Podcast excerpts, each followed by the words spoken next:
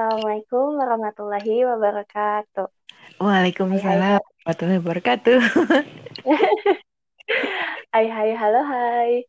Nah, Hai. ini podcast pertama kita ya Bu ya, podcast pertama kita untuk anak-anak kita di SMK Bumi Siliwangi untuk Iya betul. mata pelajaran bimbingan konseling gitu. Hmm.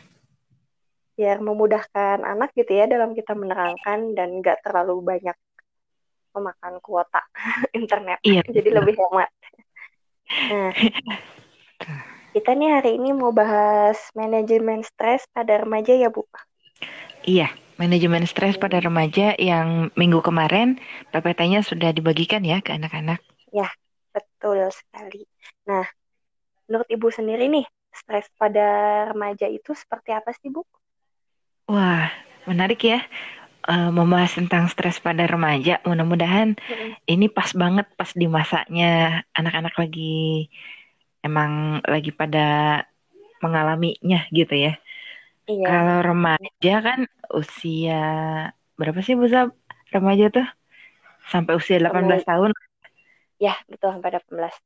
18 tahun dari ya sampai usia-usia dari mulai usia-usia anak sekarang anak-anak kita nih yang kelas Mm-mm. 11 dan kelas 12. Nah, biasanya sih lagi masa-masanya pengen diperhatikan, masa-masanya pengen didengerin, Mm-mm. tapi juga masa-masanya nggak mau ngedengerin biasanya. Iya, kayak gitu. Pengen diperhatiin tapi nggak mau merhatiin. Kebanyakan ya tapi mudah-mudahan Mm. anak kita di SMK Bumi Siliwangi eh, nggak kayak gitu. Eh, Amin. ya berbicara mengenai stres pada remaja tentunya eh, stres itu terjadi ketika ada sesuatu hal yang tidak kita kehendaki sesuai dengan kenyataan yang nggak sesuai dengan kenyataan ya nggak sih Mm-mm. ketika misalnya kita ingin apa, tapi yang datangnya apa, Mm. aduh nggak enak banget, ih kepikiran, ih genok banget kayak gitu. Nah itu Iya, stres pada remaja. Nah biasanya kenapa disebut pada remaja? Karena remaja itu punya gejolak-gejolak yang besar ya mengenai Mm-mm. keinginan. betul. Iya, sehingga kadang-kadang orang tua juga punya pemikiran yang di zaman dulu diterapkan ke remaja zaman sekarang, kadang ada clash, kebanyakan ada clash karena Iya. tidak sesuai zamannya ya. Mm-mm. Nah, terjadilah stres. Nah, kemarin di PPT kan stres itu kan eh, pelariannya tuh ada yang ke amit-amit ya, ada yang ke tawuran, ada yang ke narkoba, Mm, ada iya, yang ke game online Mm-mm. dan lain sebagainya kayak gitu Hmm. hal-hal yang negatif tapi kebanyakan juga kalau zaman sekarang kan alhamdulillah waktu sebelum pandemi nih kajian-kajian keagamaan itu mulai marak ya mulai Iya, banyak mm-mm. Iya, Hmm, mudah-mudahan juga jadi sebuah healing sebuah proses juga manajemen hati untuk Mm. mengatur stresnya remaja seperti itu kan Usap nih us- yang gak jauh dari remaja nih. Karena kalau saya kan udah udah zaman kapan karena udah punya anak merasa sama gitu. Usap kan yang mewakili muda nih gimana nih? mungkin kalau dari saya ya Bu, kalau misalnya usia remaja itu usia apalagi di usia SMA ya Bu ya, kayak Mhm. udah mulai pencarian jati diri ya kan. Nah, jadi di Iya. pencarian jati diri ini anak lebih banyak ngeksplorasi apalagi sama lingkungan pertemanannya gitu kan. Orientasinya pun lebih ke eh, temennya gitu daripada keluarga. Sehingga Oh iya iya betul betul. muncullah konflik di situ kan biasanya sama orang tua. Jadi Mm-mm. anak merasa dirinya sudah dewasa sehingga ingin mengambil keputusan atau langkah-langkahnya sendiri, sedangkan orang tua sebaliknya, orang tua masih menganggap anak anak mereka ya anak-anak yang harus dibimbing, harus mungkin ada juga yang harus melakukan apa yang orang tuanya lakukan. Nah, sehingga di situ nih mu- muncul konflik kan, muncul Iya betul betul. permasalahan sehingga muncullah stres mungkin bagi anak remaja gitu. Iya Ya, masalah betul. keluarga kan memang banyak banget ya dialamin sama usia remaja gini apalagi menuju remaja akhir gitu. Iya betul. Itu juga kealamin sih di zamannya. Jadi flashback ya di Iya. zamannya saya mungkin zaman besar juga Iya. di mana zaman remaja itu ada mungkin ada yang seperti saya lagi senang-senangnya ikut organisasi waktu. SMP SMA Oh iya. lagi Iya iya.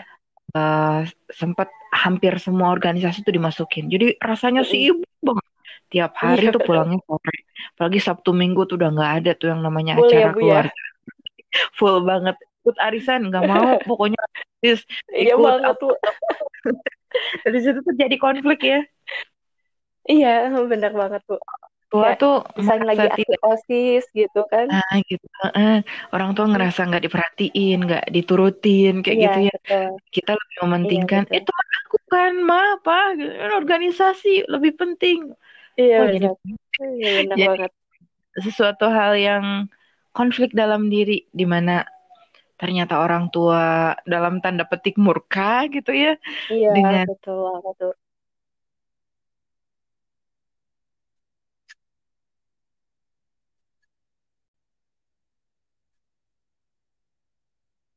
Tes, tes, Bu. Hilang. ada Ya, ada. Ada lagi. oh ya nggak mau tertutup ini apli- aplikasinya oke kita lanjut. jadi ada satu sisi kita juga ingin berbakti pada orang tua tapi satu sisi juga Mm-mm. kita pengen eksis ya kalau di masa remaja Iya, tuh nah eh, ternyata ada beberapa penyebab nih di mana stres itu iya, muncul betul. konflik itu muncul salah satunya yang tadi dari kelas kita sama orang tua kemudian Mm. di sekolah antar guru Oh, juga atau antar teman juga ya nggak iya, terus iya, apalagi kalau yang mulai puber nih pacaran misalnya Nah, betul banget. apalagi ya Terus sama terus biasanya saudara sama kakak sama adik gitu. oh ya ya Hmm, ya kayak sama gitu. kakak sama adik. Mm-mm. moodnya tuh jadi jelek aja ya kebawa aja ke mana-mana Iya, mm-mm. Terus kadang bukan cuma sama teman tapi sama sahabat dekat mungkin itu sering banget kan Ah, pasti. kadang-kadang kita punya niat baik nih sama sahabat kita tapi sahabat kita moodnya lagi nggak bagus mungkin kalau perempuan ada mau PMS kayak Iya, gitu ya iya. Kak.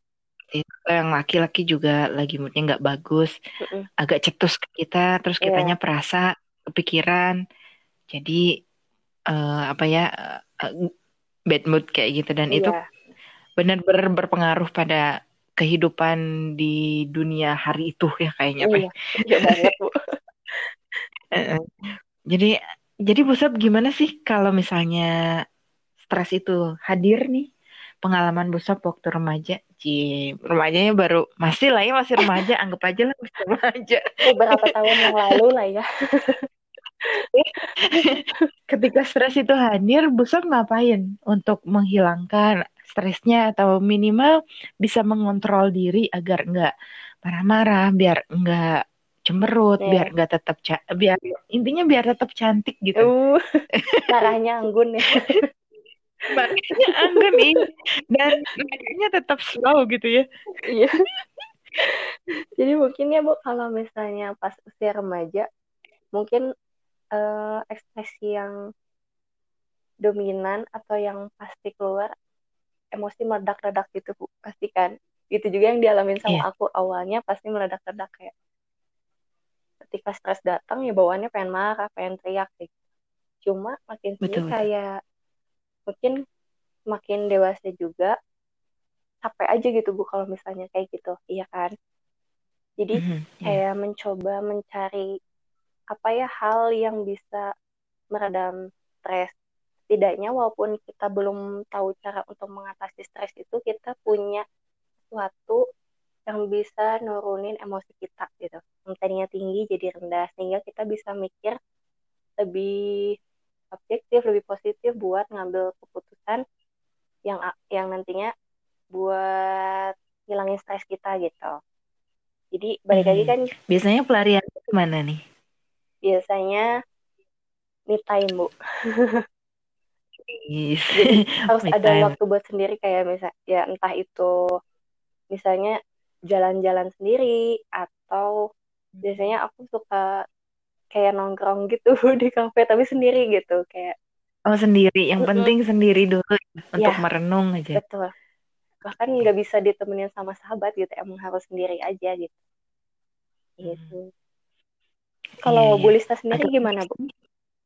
Eh, agak mirip sih. Eh, kalau saya memang butuh sendiri juga, tetapi ada hal yang harus didengarin, didengerin. Oh iya. Contoh, iya. eh, dulu sih ya, Mm-mm. dulu dulu jalan-jalan ke alun-alun. Jadi di alun-alun itu kan ada pusatnya DVD bajakan tuh ya. Oh iya, kata kembang Bu. Oh iya, kembang nggak tahu sekarang masih ada atau enggak. masih Bu masih ada. Nah, di sana tuh nyari video yang karena dulu senengnya yang film action, Oh iya. dar der dor pokoknya Iya. yang biar dar der Mm-mm. cari film yang action yang bagus-bagus yang lagi happening gitu Iya, yang lagi ada uh, abis di bioskop terus ada di situ dan hasilnya si kualitasnya tuh udah HD gitu ya Iya benar. dibeli dibeli nonton di kamar sendirian Hmm. agak dikerasin tapi bener-bener yang dar der dor tapi setelah itu teh keluar dari kamar teh udah hai lagi Iya gitu. banget ya Bu ya. jadi bener-bener kayaknya ada satu momen kita mesti me time mungkin ya. Ya ini juga masukan buat anak-anak kita kali ya. Iya, jadi gimana sih mesti ya kali mesti me time baik itu dengan cara Bulista atau cara Bu Sabrina. atau emang punya cara tersendiri ya setiap anak-anak gitu biasanya. Nah, Atau iya, iya betul. mungkin zaman Hmm. sekarang ada juga yang saya baca buku atau misalnya nonton drama gitu kan nonton film, Oh, main iya, game Oh, gitu. iya. Heeh, kalau ngomong drakor saya emang gak nyambung, gak suka. Sama busap Iya, iya, nyambung, tapi- sama busap nyambung. Kalau tetap nyambung ya. Larinya mau pusat kalau mau ngomongin kalau misalnya cowok mungkin olahraga kali ya. Iya Kalau olahraga, ngelihat kayaknya kalau game keluar keringat tuh kayaknya gitu. udah kuat. Ya, online atau futsal atau renang iya. kayak gitu. Yang penting positif tentunya. Iya betul. Jadi intinya Hmm. apa sih? Punya cara gitu untuk mengelola stres. Apalagi kan stres itu pasti setiap orang punya ya, cuma berbeda-beda gitu. Jadi Iya, betul. emang harus belajar untuk bisa mengelola stres sendiri gitu pakai cara-cara yang kita punya. Iya betul, karena ternyata kalau nggak di manage, dampaknya itu bisa ke fisik ya, ke Iya. psikis juga. Bisa fisik, Iya. bisa psikis gitu. Kalau misalnya Kalau fisik, ngomongin tentang fisik, fisik apa nih? nah kalau misalnya kena eh, ke fisik, kalau di psikologi itu ada istilahnya namanya psikosomatis, Bu. Hmm, Nah, ini- psikosomatis. Iya. Jadi misalnya Apa nih, tuh psikosomatis? eh, itu reaksi psikis, eh, reaksi fisik karena adanya tekanan eh, eh, ke psikis kita gitu, Bu.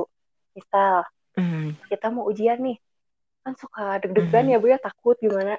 iya. Nanti tuh tiba-tiba kita mules. Atau misalnya Oh, tangannya tiba-tiba pengen ke air gitu. Iya, heeh, Nah, oh iya iya. pengen pipis. Nah, itu sebenarnya psikosomatis. Jadi emang ada reaksi fisik dari psikis Mhm. yang lagi misalnya lagi deg-degan, lagi ada tekanan apa gitu. Mhm, mhm. Iya iya iya. Iya betul. Itu juga mungkin terjadi pada hampir kita semua ya, Mm-mm. psikosomatis itu. Iya, karena eh, dampak dari psikis juga merespon dari fisik kali ya, iya, dari ketegangan dan lain sebagainya. bisa Tapi bisa jadi, ya betul, bisa jadi kalau itu enggak di manage kan jadi membahayakan ya dalam arti membahayakan tuh eh, kita jadi sakit-sakitan ya enggak sih? Iya, iya benar. Mm-mm. Eh, kadang kalau anak remaja ini kalau misalnya stresnya eh, nggak diatur, nggak di manage, itu larinya kemah. Ya, Ya, bisa bisa kemah. nah karena kan dulu eh, dulu inget banget BK kan gabungnya sama UKS. Oh iya. Ini kok dikit-dikit banyak yang mah, dikit-dikit Oh, banyak yang iya. pusing. Mungkin dari otomatis ya Bu Sam. Iya bisa jadi bukan masalah stres itu sendiri, bisa ke otak, bisa ke kulit muka, misalnya jerawatan itu juga kan salah satu reaksi reaksi fisik akibat stres juga Bu. Terus misalnya juga um, masalah pencernaan yang kayak mah tadi. Terus kalau misalnya yeah. perempuan nih lagi halangan, lagi menstruasi itu bisa ke pola menstruasinya atau sakitnya saat menstruasi itu. Nah, kayak gitu. Oke, oke. Penting banget nih ya. Mudah-mudahan juga anak-anak uh, anak-anak kita setelah mendengar ini bisa lebih memanage stres sehingga psikologis mm -hmm. dan fisiknya juga bisa sehat ya. Nah, tentunya iya. gimana sih cara kita memanage stres ini? Nah, ada banyak nih sebenarnya kan cara memanage stres. Nah, kalau misalnya bisa uh, mungkin cara yang mudahnya biasanya cari apa ya hal yang bisa nenangin diri kayak yeah.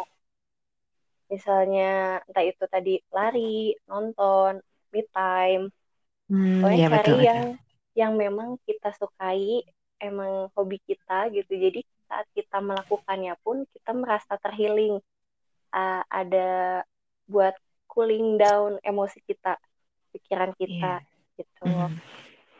kayak misalnya kan bisa atau yang suka yoga misalnya meditasi uh. dan itu juga bisa ya atau misalnya uh, lari jogging atau ada juga mm. nih yang suka ke gunung atau misalnya ketemu sama teman-teman pokoknya berbagai macam lah ya cara untuk memanage stres itu sendiri Cuma mm -hmm. ketika mm -hmm. sudah emosi kita udah stabil lagi, nah itu saatnya kita berpikir bagaimana cara menangani stres itu sendiri, betul ya Bu ya? Iya betul. Nah biasanya, misal nih kalau teman-teman udah tenang, pikir ini jalan terbaik untuk mengatasi stres itu seperti apa. Kalau teman-teman merasa kesulitan, bisa misalnya mencari bantuan, entah itu ke sahabat, orang tua atau misalnya guru BK kayak gitu kayak hmm. untuk membantu menemukan mencari solusi ya ya mencari solusi yang tepat gitu hmm. jadi iya. bukan yeah. berarti ketika kita udah ngelakuin aktivitas yang tadi disebutin kita jadi lupa sama stres yang kita hadapi gitu otomatis stres itu harus dihadapi kan nah jadi ketika yeah. emosi udah tenang baru deh kita coba mengatasinya Iya, setuju banget. Karena mau nggak mau juga kita butuh orang buat ngobrol ya, iya. untuk bertukar pikiran, untuk mencari iya. solusi. Apalagi orang tersebut orang yang memang paham akan masalah tersebut. Iya, Seperti iya. halnya bu, orang tua, kayak gitu. Iya, banget. Ya, cuman mungkin ada satu hal boleh saya nambahin kali ya Bu Sab ya? Iya, boleh Bu. Iya, kadang-kadang ketika kita ada di kondisi stres, pikiran kita itu jadi ke mana-mana, ya nggak sih? Iya, iya banget bu. Ke mana-mana tuh dalam arti hal yang negatif, lebih iya. ke mikirnya suuzon, iya, mikirnya, benar. pokoknya ke mana-mana. Nah, satu hal yang mesti kita pahami, ternyata pikiran itu sama dengan doa. Iya, Dan Allah juga, uh, Rasulullah juga pernah menyampaikan ya di hadis kutsinya bahwa Allah berdasarkan prasangka hambanya. Ini Indah Azoni Adibi katanya gitu. Hmm. Jadi intinya ketika kita berpikir yang negatif, berprasangka si A si B, kayaknya si itu tuh jahat nih. Hmm. Oh, kok aing misalnya gitu iya, berpikir bener, yang dan itu diliarkan sama kita, nggak di stop dan nggak di manage, hmm. tentunya jadi doa dan kita nggak mau kan doa yang negatif jadi uh, terkabul gitu ya. Iya. Nah,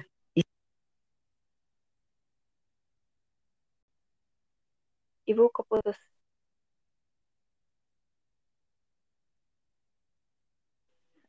Oke, okay, ada. Ya, ada. Maaf. ada, ada. Iya. Ya, Ibu pengen nyampein bahwa pikiran kita juga mesti kita kuasai. Pikiran juga mesti di, di manage agar stresnya hmm. tidak jadi berlebihan. Iya, Seperti itu sehingga pikiran bisa jadi lebih positif. Mungkin anak-anak masih ingat bahwa uh, waktu di pelajaran uh, tatap muka waktu itu ibu pernah menyampaikan mengenai pikiran positif. atau kalimat positif. Iya. Misalnya mengenai kalimat uh, dilarang buang sampah di sini misalnya hmm.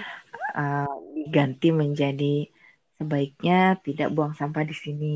Begitu juga dengan stres apa ya kalimat apa ya yang bisa kita ganti menjadi positif. Mungkin gini ibu, ini lagi musim banget ya anak-anak insecure ada rasa insecure hmm. sama dirinya sendiri. Jadi ketika yeah. mulai insecure sama kekurangan diri, mungkin lebih ke ngasih kalimat positif, afirmasi positif ke diri kita sendiri. Nah, iya. Kita bisa, betul, kita, betul. kita layak dicintai. Nah, iya Kita punya kelebihan. Jadi biar kita lebih fokus ke positifnya kita gitu, bukan cuma fokus ke kekurangan kita gitu. Iya, betul, betul, betul. Jadi kalau misalnya ada pikiran-pikiran negatif, bilang aja, enggak, enggak saya baik, saya soleh, ya, benar. saya patut dihargai, saya berharga, saya terbaik. Iya. Walaupun memang kita uh, penting ya kita memuji diri sendiri, iya. bukan hmm. buat maksud menyombongkan diri ya, iya. tetapi pengakuan diri bahwa saya berharga, saya iya, baik, betul. saya patut dicintai dan sebagainya, mm itu juga penting karena uh, hati kita juga butuh pengakuan dari diri kita ya nggak bisa. Betul banget. Jadi jangan sehingga kita bisa kayak misalnya uh, ngasih kata-kata positif buat diri kita sendiri gitu. Nah, gitu. Sehingga kita bisa tumbuh menjadi pribadi yang lebih sehat tentunya. Betul. Sip, sip, sip. Baik secara fisik okay maupun psikis gitu ya. nah, itu dia. Fisik maupun psikis. Iya. Kalau ada apa-apa masih bingung, tenang. Busap dan Bulis akan ada selalu untuk kalian. Iya. Oke deh untuk penutup mungkin Bosa bisa kasih clue yang ajib kayak gimana nih? Quote-nya, quotes gitu ya Bu ya. boleh, boleh, boleh. Um, apa ya Bu yang pas uh, untuk stres ya? Hmm. Mm -hmm.